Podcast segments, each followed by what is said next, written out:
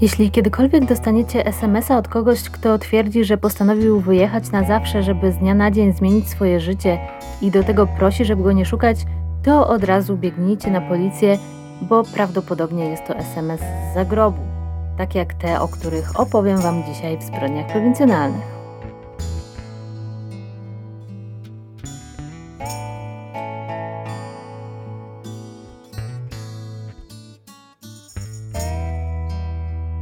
Tę historię podesłał mi anonimowy słuchacz na moją skrzynkę z donosami, czyli donosprowincjonalny.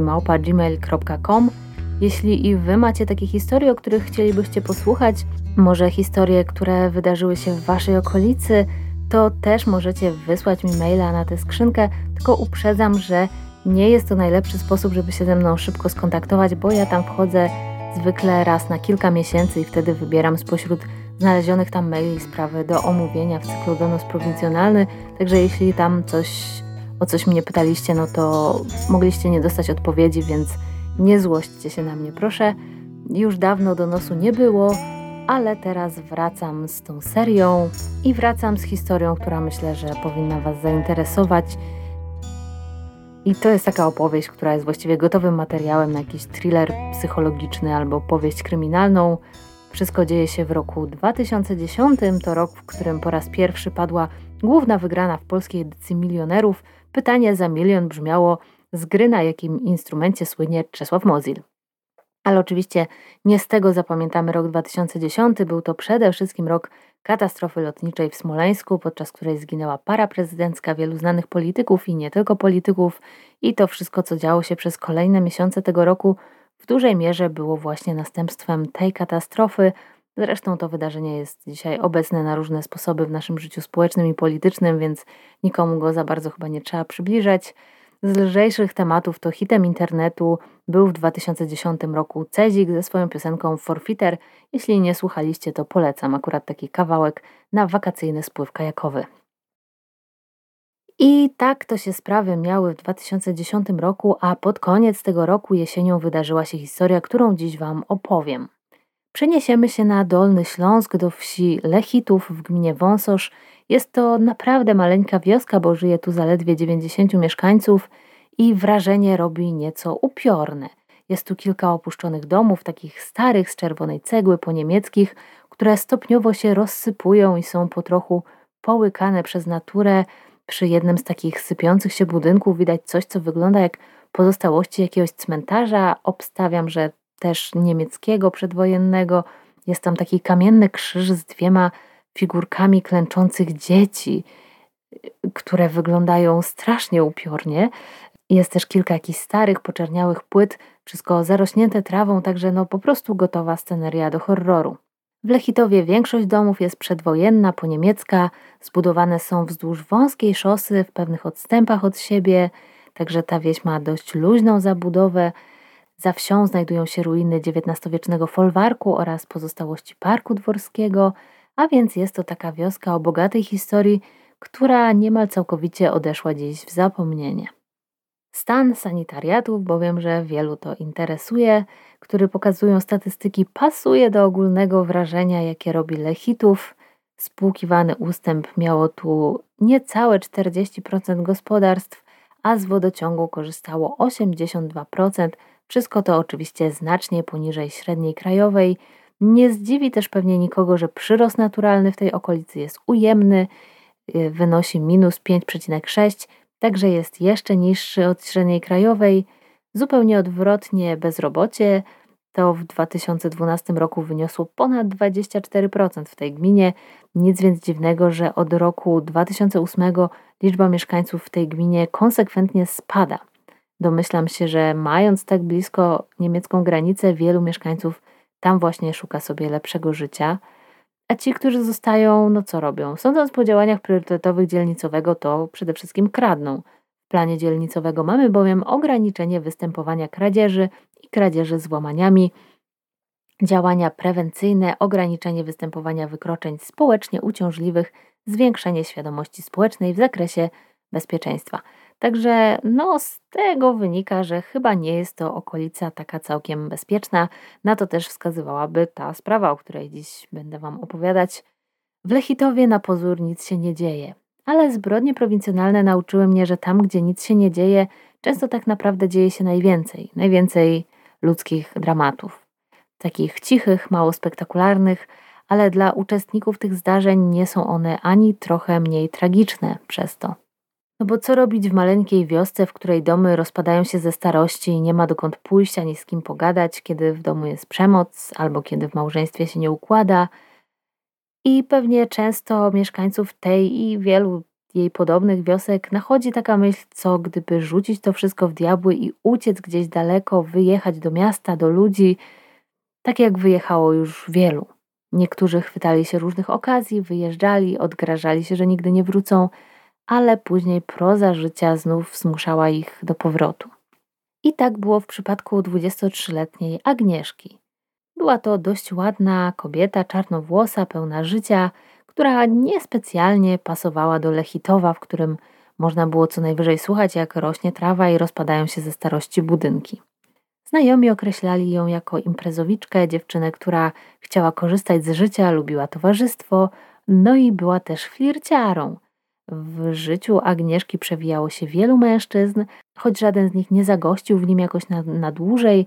Agnieszka, w przeciwieństwie do wielu swoich koleżanek, nie marzyła raczej o ślubie, o dzieciach, rodzinie, a w każdym razie jeszcze nie teraz. Może kiedyś, za wiele lat, jak już się wyszaleje, zobaczy trochę świata i doświadczy wszystkiego tego, czego nie można było doświadczyć mieszkając w Lechitowie. Na razie uczyła się, żeby zostać kucharką. Zdarzało jej się czasem znikać z domu, pomieszkiwać u różnych takich. Była dorosła, nie bardzo lubiła zwierzać się ze wszystkiego rodzicom, była taką wolną duszą rodzina, więc nie za bardzo nadążała za tym, co ona akurat robiła i z kim. Dlatego, kiedy 12 listopada Agnieszka wyszła po cukier i nie wróciła, jej rodzina poczuła się nie tyle zaniepokojona, co wściekła i zmęczona. Matka poprosiła ją przecież tylko małą przysługę o wyjście po drobne zakupy, a ta wykręciła kolejny numer. Nikt nie wiedział, gdzie ta dziewucha się podziała, no ale na odpowiedź na to pytanie nie trzeba było za długo czekać, bo po pewnym czasie przyszedł do rodziców Agnieszki SMS, w którym ta pisała, że jest w ciąży, że postanowiła zamieszkać z chłopakiem i że nigdy nie wróci na wieś. Jak podaje w artykule na Onecie Przemysław Pruchniewicz, matka miała jej na to odpowiedzieć, że w takim razie ona spali jej ciuchy. Bo Agnieszka nie zabrała ze sobą żadnych swoich rzeczy. Nie spakowała ani jednego ubrania, kosmetyku czy drobiazgu, a przecież wygląd był dla niej ważny, więc dlaczego niczego ze sobą nie wzięła? To mogło wzbudzić podejrzenia, ale w tamtym momencie nie wzbudziło. Jej rodzice nie czuli niepokoju. Agnieszka była trochę szalona, była taką rogatą duszą. Na tę wiadomość o spaleniu ciuchów już nic nie odpisała, ale to też było w jej stylu. Rodzice pomyśleli, że się obraziła, że się uniosła honorem i przez kolejne tygodnie nie kontaktowała się z rodziną. Rodzice byli na nią trochę źli, uważali, że to ona powinna teraz pierwsza się odezwać, a więc zamierzali ją trochę przetrzymać. No i tak minął miesiąc. W Lechitowie nikogo nie zdziwił fakt, że przez ten miesiąc Agnieszki nie widywano we wsi, przecież wyjeżdżała już wcześniej, jak zresztą wielu młodych z okolicy. Nic dziwnego, że szukali szczęścia gdzie indziej.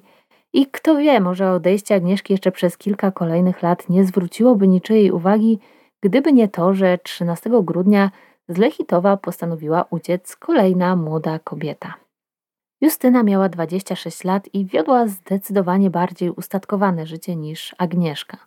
Miała męża, dziecko, utrzymywała bliskie kontakty z rodzicami. Matka Justyny mieszkała z córką po sąsiedzku, więc często odwiedzała ją. Zajmowała też się często jej trzyletnim synkiem Kamilem. 14 grudnia, kiedy bez żadnych złych przeczuć poszła do córki, Zastała tam tylko zięcia, Dominika, no i wnuka. Justyny nie było w domu, a roztrzęsiony Dominik powiedział swojej teściowej, że jego żona wyjechała w nocy do swojego kochanka i że postanowiła porzucić jego i dziecko, żeby z tym mężczyzną zamieszkać. Matka Justyny była w szoku. Tym kochankiem miał być podobno zamieszkujący w pobliskiej górze Krzysztof, bliżej nieokreślony, z którym podobno Justynę coś łączyło. To są takie domniemania, które gdzieś tam się pojawiły w jednym z artykułów, więc nie przedstawiam tego jako taki pewnik. Zwłaszcza, że w tej sprawie pojawiało się wiele takich domysłów, które później się nie potwierdzały. W każdym razie Dominik był zdruzgotany. Został sam z małym dzieckiem, którym nie bardzo wiedział, jak się zajmować. Te obowiązki zawsze brała na siebie Justyna. Jego rolą było utrzymywanie rodziny, co zresztą szło mu całkiem dobrze. Ich sytuacja materialna była w porządku. Dominik był takim typem majsterkowicza, miał smykałkę do różnych napraw, remontów, był nazywany złotą rączką i z tego też był znany w Lechitowie. Nieraz ktoś zwracał się do niego o pomoc. Matka Justyny od początku nie przepadała za Dominikiem, choć właściwie to nie mogła na niego jakoś za bardzo narzekać. W przeciwieństwie do wielu młodych mężczyzn w Lechitowie i okolicach, Dominik stronił od alkoholu i wszelkich innych używek, nie pił, nie palił, nawet y, nie tylko nie pił alkoholu, ale i kawy. Był pracowity, zręczny. Mówiono, że jego dom był najładniejszy w całej wsi, że wszystko w nim zrobił sam, wykończył, że dbał o niego. Opinię też miał raczej dobrą, choć niektórzy uważali go za dziwnego, czuli się niezbyt komfortowo w jego towarzystwie, bo był trochę nienaturalnie spokojny, patrzył z podełba, nie patrzył w oczy. Trudno było stwierdzić, co tak naprawdę myśli, no ale to przecież nic takiego. Ludzie są różni. E, jedno, co naprawdę mogło nie podobać się teściowej, to fakt, że Dominik miał już jedno dziecko nieślubne z kobietą, z którą był związany na krótko przed tym, jak się ożenił z Justyną. No i mówiło się, że tamtą kobietę bił, ale Justyna nigdy nie skarżyła się na przemoc w ich związku, choć od jakiegoś czasu w małżeństwie nie działo się najlepiej, para dużo się kłóciła, ale to było młode małżeństwo z małym dzieckiem. Na takim etapie związku często pojawiają się nieporozumienia, zmienia się też dynamika związku, trzeba jakoś to wszystko poukładać, no więc konflikty nie są niczym niespotykanym na tym etapie. Justyna i Dominik zresztą pobrali się dość szybko, nie byli zbyt długo parą. Dziecko pojawiło się dość szybko. No, pomiędzy wierszami można wyczytać, że nie była to raczej taka wielka romantyczna miłość, bardziej chyba taki związek z braku innych możliwości. Justyna i Dominik nie bardzo do siebie pasowali, też nie było między nimi zaufania. Justyna była zazdrosna i często podejrzewała męża o niewierność, co potwierdzali też ludzie, którzy ich znali. Teraz wyglądało na to, że Justyna nie zamierza już jednak walczyć o ten związek, po prostu od męża odeszła. Wkrótce sama to zresztą potwierdziła, wysyłając mężowi i matce SMS-y ze swojego telefonu. Pisała tam, że odchodzi, że ma dość i że teraz to Dominik ma się zająć dzieckiem. Matka Justyny czuła, że coś jest nie tak. Takie zachowanie nie było kompletnie w stylu jej córki. Uważała, że ta za bardzo kochała synka, żeby go zostawić, a nawet jeśli zdecydowałaby się odejść od męża, to na pewno zrobiłaby wszystko, żeby dziecko zostało z nią. Szczególnie, że nawet jeśli gdzieś wychodziła na kilka godzin, to prosiła swoją matkę, żeby ta zajęła się Kamilem, nigdy nie zostawiała go samego z ojcem. Podobno twierdziła, że Dominik nie umie się zajmować dzieckiem, co jest trochę dziwne, bo przypuszczam, że nie chodziło o to, że nie umiał, bo to nie jest jakieś strasznie skomplikowane, tylko po prostu nie chciał. Albo z jakiegoś powodu Justyna nie ufała swojemu mężowi i bała się zostawiać z nim dziecko. Tak czy inaczej, ci, którzy ją znali, nie bardzo mogli uwierzyć w to, że zniknęłaby w taki sposób. Rodzina Justyny była zdecydowana zgłosić sprawę na policję, jednak Dominik ich ubiegł. Co było tyle zastanawiające, że według jego relacji Justyna odeszła z kochankiem, o czym go poinformowała, a więc właściwie nie była to sprawa dla policji. Każdy człowiek ma prawo odejść od małżonka, wyjechać, nie ma takiego prawa, które mówi, że trzeba informować bliskich o swoim miejscu pobytu. Trudno więc powiedzieć, co takiego Dominik właściwie zgłosił na policję. Rodzina Justyny przedstawiała jednak nieco inną wersję wydarzeń. Domagali się wszczęcia poszukiwań kobiety, byli przekonani, że musiało jej się przytrafić coś złego. Jak myślicie, czy policja potraktowała tę sprawę poważnie? Pewnie większość z Was powie, że nie i będziecie mieli rację. Policja nie kwestionowała prawdziwości SMS-ów Justyny, nie zaniepokoił ich fakt, że kobieta nie zabrała ze sobą np. środków antykoncepcyjnych, które regularnie przyjmowała, że nie wzięła okularów, bez których bardzo słabo widziała. Z szafy zniknęło rzeczywiście trochę ubrań, ale jak się nad tym tak zastanowić, to ich dobór był dziwny, bo dlaczego na przykład w środku zimy Justyna pakowała letnie rzeczy? Po co wzięła ze sobą rybaczki, a nie wzięła na przykład ciepłych swetrów. Oczywiście istniała możliwość, że planowała ucieczkę do ciepłych krajów, ale bez pieniędzy byłoby to raczej trudne. A kobieta nie wypłaciła z konta żadnych pieniędzy ani tuż przed swoim zniknięciem, ani zaraz po nim. Rodzina zwracała na to uwagę policji i jak podaje już wspomniany Pruchniewicz w swoim artykule, policjanci mieli na to odpowiedzieć, że widocznie Justyna ma bogatego sponsora i nie musi wydawać swoich pieniędzy. Ktoś tam miał rzekomo widzieć kobietę w górze, chociaż nigdy się to nie potwierdziło. Natomiast Dominik trzymał rękę na pulsie, rozklejał plakaty, kontaktował się z policją, by dowiedzieć się, czy są jakieś postępy w sprawie. Było to o tyle łatwiejsze, że dobrze znał jednego z pracowników komendy, który też pochodził z Lechitowa. Zaginięcie Justyny zostało jednak zakwalifikowane do tej ostatniej kategorii, takiej powiedzmy sobie wprost najmniej ważnej, czyli są to osoby, w przypadku których nie istnieje zagrożenie życia, które oddaliły się dobrowolnie, są zdrowe, pełnoletnie i tak naprawdę mogą robić co chcą. Z tego też powodu do domu Justyny i Dominika nie wysłano nawet żadnej ekipy, nie przeprowadzono tam poszukiwań, w ogóle nie prowadzono żadnych poszukiwań z psami czy jakimś sprzętem. Nie zakładano w ogóle, że kobieta mogła zostać uprowadzona z domu, czy że mogła paść ofiarą przestępstwa. Tymczasem nadeszło Boże Narodzenie, prawdopodobnie jedno z najsmutniejszych w życiu dla bliskich Justyny. Wigilię zorganizował u siebie Dominik. Odkąd zaginęła jego żona teściowa, praktycznie u niego zamieszkała, żeby opiekować się małym Kamilem. Także takie rozwiązanie wydało się rodzinie najwygodniejsze. Wszystko odbyło się tak jak zawsze, przełamanie opłatkiem, choinka, pozory normalności, żeby chociaż przez chwilę pomyśleć o czymś innym, no i przede wszystkim, żeby sprawić choć trochę radości małemu Kamilowi, który z całej tej sytuacji niewiele rozumiał, nie wiedział, gdzie się podziała jego mama, a przecież musiał czuć, że coś jest nie tak. Wiadomość o dziwnym zniknięciu Justyny rozeszła się tymczasem po Lechitowie i wkrótce okazało się, że jej zniknięcie dziwnie przypominało zaginięcie Agnieszki. Jej rodzina wprawdzie nie zgłosiła tego na policję, ale teraz zaczęto się niepokoić. W ciągu miesiąca liczącego zaledwie 90 mieszkańców Lechitowa zniknęły aż dwie kobiety. No to jest całkiem sporo. W obu przypadkach bliscy dostali tylko wiadomości SMS. Czy to mógł być przypadek? No, wydawało się to wątpliwe. No i była jeszcze jedna kwestia, która dość wyraźnie rzucała się w oczy. W Lechitowie tajemnicą Poliszynela było, że Agnieszka miała romans właśnie z Dominikiem, mężem Justyny.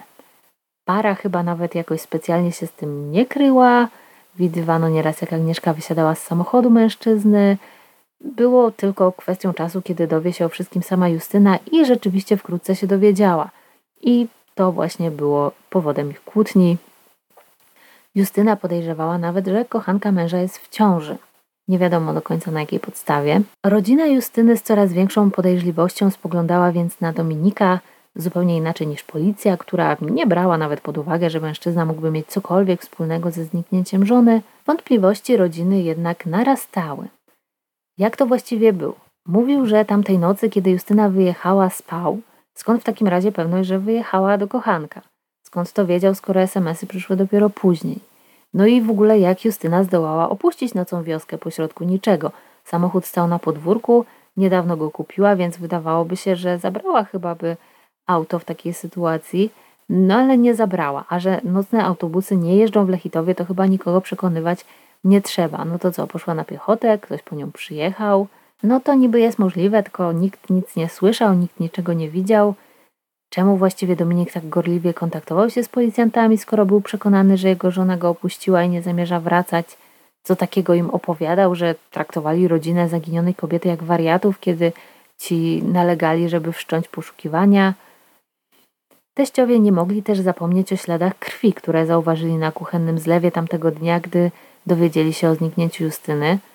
Wtedy Dominik wyjaśnił, że się skaleczył przy krojeniu cebuli, no a oni chyba udawali, że mu wierzą, a może naprawdę mu wierzyli, bo, bo chcieli albo nie wyobrażali sobie, żeby tak naprawdę on mógł coś złego zrobić Justynie. Może jednak zamiast tego należało przebadać krew. Ale teraz było już za późno, ślady zniknęły. No i tak wśród pytań i niepewności minęły dwa miesiące. Przeszły święta, Sylwester, podczas którego ku zdumieniu niektórych Dominik bawił się nadspodziewanie dobrze na jakiejś imprezie. Teściowa dalej nocowała w domu zięcia, w pokoju wnuczka, któremu musiała teraz zastąpić matkę. No i któregoś dnia kobieta zajrzała za szafę, żeby sprawdzić, czy nie schowała się za nią mysz.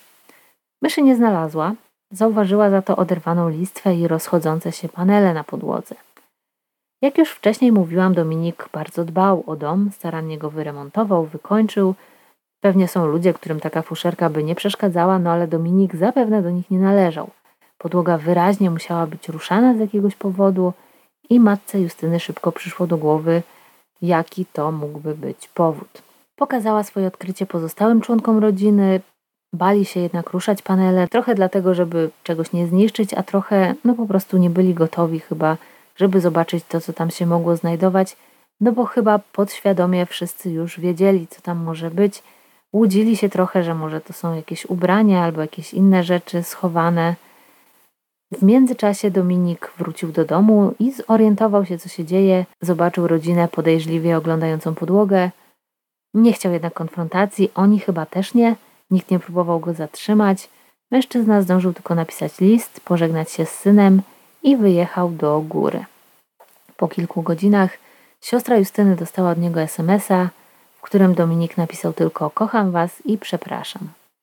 A po jakimś czasie nawet zadzwonił, wtedy już otwarcie, Przyznał się, że to on zabił Justynę, powiedział, że żałuje tego, co zrobił i że zamierza popełnić samobójstwo. Wykonał zresztą takich telefonów kilka do różnych osób, co chyba świadczyło o tym, że niekoniecznie to samobójstwo zamierzał popełnić. Rodzina zawiadomiła o wszystkim policję, zorganizowano obławę, ale okazało się, że niepotrzebnie, bo Dominik sam wkrótce zgłosił się na komisariat jeszcze tego samego dnia i przyznał się do zabójstwa. Było to 10 lutego 2011 roku. Tymczasem w domu w Lechitowie policja rozbierała już podłogę. Był przy tym obecny brat Justyny. Szybko okazało się, że wszystkie te najgorsze przeczucia się sprawdziły. Pod podłogą i warstwą ocieplenia znaleziono koc, a pod nim zamarznięte ciało kobiety. Miała na sobie domowe ubranie i koszulkę naciągniętą na twarz, tak jak gdyby morderca nie chciał na nią patrzeć, kiedy ukrywał ciało. Wyciągnięcie ciała nie było zresztą takie łatwe z powodu niskiej temperatury. Ciało przymarzło do fundamentów, no brzmi to okropnie. Dzięki temu, że panowały mrozy, w domu nie było czuć smrodu rozkładającego się ciała. No, gdyby działo się to latem, to zapewne wystarczyłyby ze dwa dni, żeby ta zagadka się rozwiązała. No ale pogoda sprzyjała zabójcy. Wieść o makabrycznym znalezisku rozeszła się natychmiast po Lechitowie. W Lechitowie ludzie bali się wychodzić po zmroku z domu, byli w szoku. W ich małej społeczności jeszcze nigdy nie wydarzyło się coś tak makabrycznego. Wszyscy próbowali zrozumieć, co się właściwie stało i przede wszystkim dlaczego. Zaczęto snuć domysły, że być może Justyna zginęła dlatego, że odkryła prawdę o zabójstwie Agnieszki. Nagle różne drobne fakty z ostatnich miesięcy nabierały znaczenia – Ktoś słyszał, jak Dominik mówi o tym, że nie lubi paneli podłogowych. Komuś przypomniało się, że mężczyzna cały czas palił w domu świeczki zapachowe. Teściowa zwróciła uwagę na to, że cały czas sprzątał w domu, co ten miał tłumaczyć, tak że nie mógł sobie znaleźć miejsca po odejściu żony, no i musiał czymś się zająć, żeby nie zwariować. Rodzina Justyny ze ściśniętym gardłem wspominała niedawno obchodzone Boże Narodzenie i to, że siedzieli przy jednym stole z mordercą, podczas gdy pod podłogą spoczywały szczątki jego ofiary tym wszystkim mieli tylko nadzieję, że trzyletni Kamil nie był świadkiem tego morderstwa, no i z tego, co mówił Dominik, wynika, że faktycznie chyba nie był. Wkrótce było też już wiadomo, jak zginęła Justyna. Dzięki niskiej temperaturze ciało było w dobrym stanie i podczas sekcji okazało się, że kobieta zginęła od ciosów młotkiem w głowę. Później ustalono, że to chyba był klucz do kół. Morderca zadał tych ciosów pięć. Nie była to zbrodnia ze szczególnym okrucieństwem, nic nie wskazywało na to, żeby morderca pastwił się nad swoją ofiarą czy czerpał przyjemność z jej bólu. Raczej wyglądało to tak, że uderzał na chłodno, zadaniowo, po prostu, żeby zabić. Z pewnością nie mogło być tutaj też mowy o jakimś wypadku. Podczas przesłuchania Dominik nieoczekiwanie przyznał się również do drugiego zabójstwa i wskazał miejsce ukrycia zwłok. Wkrótce po jego zatrzymaniu policja udała się na teren nieczynnej żwirowni w Bełczu Małym – kilka kilometrów od Lechitowa. Podobno to właśnie tam Dominik i Agnieszka często odbywali swoje schadzki. No i tam też doszło do ich ostatniego spotkania, podczas którego według zeznań Dominika Agnieszka miała mu zagrozić ujawnieniem prawdy o ich romansie, a on uderzył ją kilkukrotnie w głowę 35-centymetrowym kluczem do kół. Później miał powiedzieć prokuratorowi, że nie czuł złości w momencie popełnienia tego czynu, że był zupełnie spokojny, a po wszystkim wykorzystał ją seksualnie. Następnie ukrył ciało na terenie żwirowni, przykrył wykładziną i kamieniami, no i tyle. Odbyła się też wizja lokalna, w czasie której Dominik dość beznamiętnie o wszystkim opowiedział. Na postawienie zarzutów trzeba było jednak trochę poczekać, bo Dominik, Dominik trafił oczywiście do aresztu, oskarżony o podwójne morderstwo, jednak jak to zwykle bywa w takich sprawach, w których motyw jest niejasny, zachowanie sprawcy trudne do zrozumienia, musiał zostać poddany obserwacji psychiatrycznej. Specjaliści mieli stwierdzić, czy mężczyzna jest zdrowy psychicznie, czy był poczytalny w trakcie popełnienia tych czynów. No i co zauważyli biegli? No przede wszystkim to, że Dominik nie sprawiał wrażenia kogoś, kto żałuje tego, co zrobił, kogoś, kto ma do siebie pretensje, tym bardziej kogoś, kto mógłby się posunąć do samobójstwa z tego powodu. Generalnie mężczyzna miał sobie dobre zdanie. Psychiatrzy określili go, jak podaje fakt, jako człowieka o niskim intelekcie i niezbyt rozbudowanej osobowości. Nie był zbyt rozmowny, odpowiadał półsłówkami na zadawane mu pytania, nie potrafił też powiedzieć, dlaczego zabił. Później mówił, że żona nim pomiatała, że znęcała się nad ich synkiem. Nic jednak nie potwierdziło prawdziwości tych słów, no i też w żaden sposób nie uzasadniałoby to zabójstwa Agnieszki. Co ciekawe, późniejsze ustalenia psychiatrów zweryfikowały trochę tę pierwszą opinię. Zauważono, że jego poziom jest zdecydowanie wyższy niż to, co Dominik próbuje prezentować podczas badań w kontaktach z innymi więźniami, ale też w takich spontanicznych reakcjach, niekontrolowanych, zdradzał zdecydowanie więcej inteligencji niż podczas tych przesłuchań. Zauważono, że ma skłonności do manipulacji. Psychiatrzy rozpoznali też u niego osobowość psychopatyczną, co oznacza m.in. brak empatii, skłonność do oszukiwania, brak wyrzutów sumienia, no i oczywiście wiele, wiele więcej. Wiadomo, że osoby z osobowością psychopatyczną częściej niż ogół społeczeństwa wchodzą w konflikty z prawem, jednak nie jest to choroba psychiczna stricte. Osoby te nie są niepoczytalne, potrafią odróżnić dobro od zła, znają normy społeczne i prawne i potrafią panować nad swoimi emocjami oraz powstrzymać się od agresywnych reakcji, no tylko nie czują często takiej potrzeby. W przypadku Dominika biegli jasno stwierdzili, że gdyby ponownie znalazł się w takiej sytuacji, prawdopodobnie postąpiłby dokładnie tak samo, bo nie było u niego widać poczucia winy czy też wyrzutów sumienia. W międzyczasie okazało się, że do sądu wpłynął jeszcze jeden akt oskarżenia, bo Dominik z kilkoma innymi mężczyznami okradał domy. Także widzicie, że działania priorytetowe dzielnicowego okazują się jak najbardziej adekwatne. Poza tym kradł szyny kolejowe i drewno z lasu. Co do tego drewna, to nie jestem pewna, na jaką skalę on to robił, ale jeśli na własne potrzeby, no to umówmy się, jakieś 3 czwarte polskiej prowincji pewnie by można za to zamknąć. W tym procederze towarzyszył mu zresztą brat jego żony. Jak podał portal Nasze Miasto, mężczyźni ukradli łącznie 38 metrów szyn z nieczynnego torowiska w pobliżu Bełcza Małego i sprzedali je w jednym ze skupów metali w górze. I muszę powiedzieć, że zawsze mnie to zastanawia, jak to jest możliwe, że ktoś przychodzi do skupu z szynami i ten ktoś, kto prowadzi ten skup, tak po prostu to od niego bierze, bez zadawania żadnych niewygodnych pytań. Choć wiadomo przecież na 100%, że to jest kradzione, przecież nikt nie ma swoich własnych torów kolejowych w domu. To nie jest coś, co się trzyma w piwnicy. No, chyba, że się wcześniej ukradło i schowało do piwnicy. Ale generalnie jeszcze jakieś, nie wiem, druty, pręty, no to powiedzmy, że mogą pochodzić z różnych źródeł. Ale jak ktoś, jakiś prywatny człowiek przychodzi do skupu z szynami, no to przecież wiadomo, że je ukradł. A mimo wszystko te skupy to przyjmują. Ja nie wiem, jak to jest możliwe. Znaczy, no domyślam się, że pewnie chodzi o kasę, ale i tak mnie to zadziwia, że legalnie działający biznes może coś takiego robić.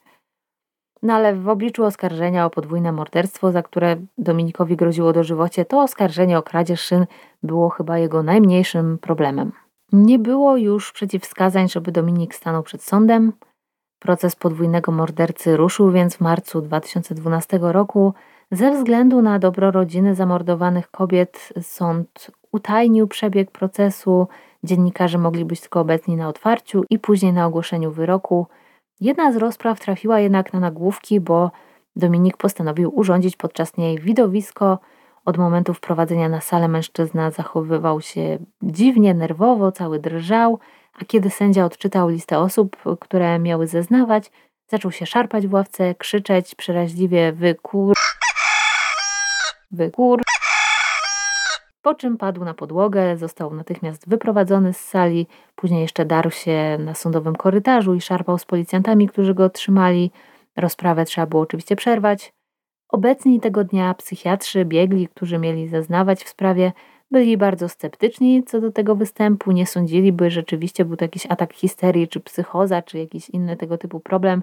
Podejrzewali, że Dominik raczej próbuje udawać niepoczytalnego, zwrócić na siebie uwagę, że jest to z jego strony jakaś kolejna próba manipulacji. No i chyba mieli rację, bo podczas kolejnej rozprawy sędzia ostrzegł Dominika, że jeśli to się powtórzy, to nie będzie mógł uczestniczyć w kolejnych rozprawach, proces będzie się odbywał bez niego, no i jakoś więcej tych ataków już nie miał. 15 listopada 2012 roku zapadł wyrok. Sąd zezwolił na publikację wizerunku oskarżonego oraz jego nazwiska, co się nie zdarza tak często obecnie. Także w artykułach, które podlinkowałam w źródłach, możecie zobaczyć zdjęcia tego niebohatera dzisiejszego odcinka. Gdybym miała jakoś opisać jego wygląd, to powiedziałabym, że tak na pierwszy rzut oka nie budzi on sympatii, natomiast nie sprawia wrażenia oczywiście jakiegoś zwyrodnialca. Jest w nim jakieś napięcie, coś takiego nerwowego, może nawet mrocznego. Być może przez to, że ma dość blisko osadzone ciemne oczy, a to daje taki efekt zwykle, ale tak ogólnie to wygląda dość niepozornie. Po raz kolejny powtarza się to, co już wszyscy doskonale wiemy w sumie, że niewielu morderców o psychopatycznych skłonnościach wygląda na morderców o psychopatycznych skłonnościach. Niestety mordercy to po prostu ludzie, chociaż nazywamy ich bestiami, wampirami, zwierzętami, chcąc ich jakoś odczłowieczyć i się od nich oddzielić, zdystansować, chociażby tak tylko słownie, lepiej byłoby wierzyć, że oni należą do jakiegoś innego gatunku niż my, no ale nie. Dominik Krawczyk został skazany na karę dożywotniego pozbawienia wolności, a o przedterminowe zwolnienie warunkowe będzie mógł się ubiegać dopiero po odbyciu 35 lat kary. Musiał też zapłacić na rzecz matki jednej z zamordowanych nawiązkę w kwocie 20 tysięcy złotych. Dominik został uznany winnym dwóch morderstw oraz zbezczeszczenia zwłok, natomiast tutaj nastąpił taki mały zwrot akcji, bo jak pamiętacie o tym, że Dominik miał odbyć stosunek ze zwłokami kobiet, yy, wiemy tylko od niego. Podczas sekcji czy późniejszych badań ciał nie znaleziono śladów wykorzystania seksualnego, ale pomimo tego taki zarzut mu postawiono i został uznany winnym również tego. Natomiast po zapadnięciu wyroku Dominik wniósł apelację, w której odwołał swoje twierdzenia, że współżył z ciałami zamordowanych kobiet. Swoją drogą, nie, nie wiem, czy można współżyć z kimś, kto nie żyje. Chyba, żeby współżyć, to Obie strony muszą żyć. No, nieważne. Wiadomo o co chodzi, nie chcę nadużywać tutaj niektórych słów, bo YouTube ich nie lubi i później mi demonetyzuje odcinki albo blokuje. Ale powiedzmy, że Dominik e, w apelacji odwołał zeznania dotyczące odbycia stosunków ze swoimi ofiarami po ich śmierci. Jak sam powiedział, zeznał tak tylko dlatego, że chciał wydawać się bardziej dziwny, jak gdyby już nie był wystarczająco dziwny, i liczył, że zostanie uznany za chorego psychicznie i będzie mógł dzięki temu otrzymać niższy wyrok. Jego słowa potwierdzał choćby fakt, że kobiety były ubrane, gdy je znaleziono, miały na sobie nietkniętą bieliznę, nie było tam też jakichś śladów biologicznych, które by potwierdzały, że doszło do jakiegoś rodzaju czynności seksualnych. No i ostatecznie sąd apelacyjny zgodził się na uchylenie winy Dominika w zakresie zbezczeszczenia zwłok. Przyznał, że faktycznie nie było na to żadnych dowodów oprócz słów samego oskarżonego. Jednak jeśli Dominik liczył na to, że uchylając zarzuty uzyska zmniejszenie wyroku, no to się bardzo pomylił. Sąd apelacyjny utrzymał karę dożywocia. W uzasadnieniu wyroku można było usłyszeć, że oskarżony jest osobą wyjątkowo niebezpieczną, zdemoralizowaną, że zabójstwo wynikało, cytuję za artykułem Katarzyny Kowalczyk, w fakcie z instrumentalnego traktowania przez oskarżonego ludzi dla zaspokojenia własnych potrzeb. Wciąż jednak nie jest do końca jasne, jakie tak naprawdę były motywy działania Dominika. Zazwyczaj słyszymy o sprawach, w których ginie albo żona, albo kochanka. Kochanka, bo chce powiedzieć żonie prawdę i szantażowała mężczyznę, z którym miała romans, a żona, no bo mąż chciał odejść do kochanki, ale nie miał na tyle klasy, odwagi cywilnej czy po prostu przyzwoitości, żeby to przeprowadzić w jakiś uczciwy sposób. W tym przypadku zginęły obie i tak naprawdę pozostają nam tylko domysły, dlaczego tak się stało. Najprostsza wersja, taka najbardziej zrozumiała, no to to, że Agnieszka chciała rozbić małżeństwo Dominika, mówiąc jego żonie o romansie i dlatego ją zabił. Tyle, że Justyna już w tamtym czasie prawdopodobnie o wszystkim wiedziała. Kłócili się z tego powodu. Romans tej pary był w Lechitowie tajemnicą Poliszynela.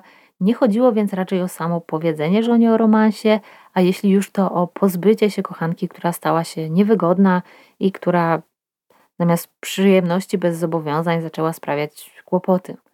A Dominik lubił mieć wszystko pod kontrolą i to on chciał rozdawać karty.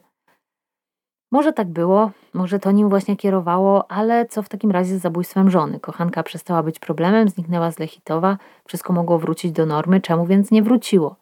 Pojawiły się podejrzenia, że Justyna mogła odkryć, że jej mąż stoi za zniknięciem Agnieszki.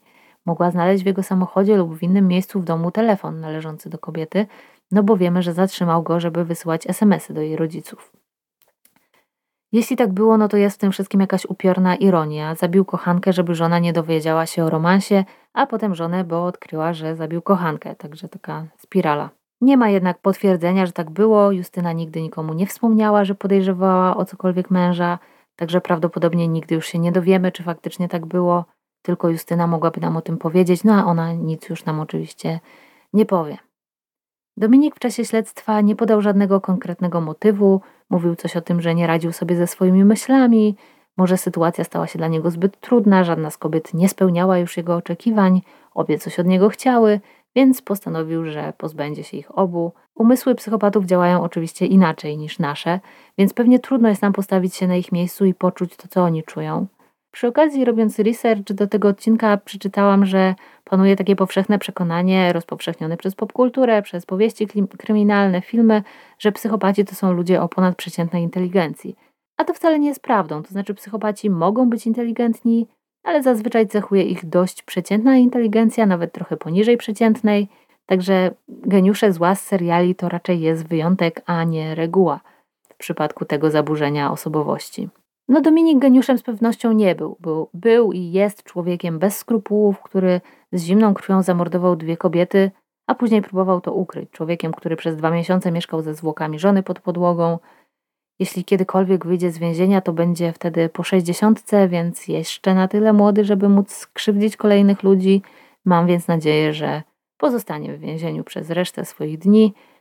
Syn Justyny i Dominika, Kamil, mieszka teraz z rodziną swojej mamy. Został adoptowany przez ciocię i wujka. Rodzina jakoś dochodzi po tym wszystkim do siebie. Są zadowoleni z wyroku, jaki dostał Dominik, na tyle, na ile w takiej sytuacji w ogóle można być zadowolonym. No i też mają nadzieję, że już nigdy nie będą musieli go oglądać. I na dziś to już wszystko. Listę źródeł, z których korzystałam przygotowując tę opowieść, znajdziecie pod linkiem, który zamieszczam w opisie odcinka. Dziękuję moim patronom. Specjalne podziękowania płyną do Haliny Witeckiej. Lista wyróżnionych patronów jak zawsze pojawia się na YouTubie. Wam wszystkim dziękuję za wysłuchanie tego odcinka, no i zapraszam na kolejne odcinki Zbrodni Prowincjonalnych.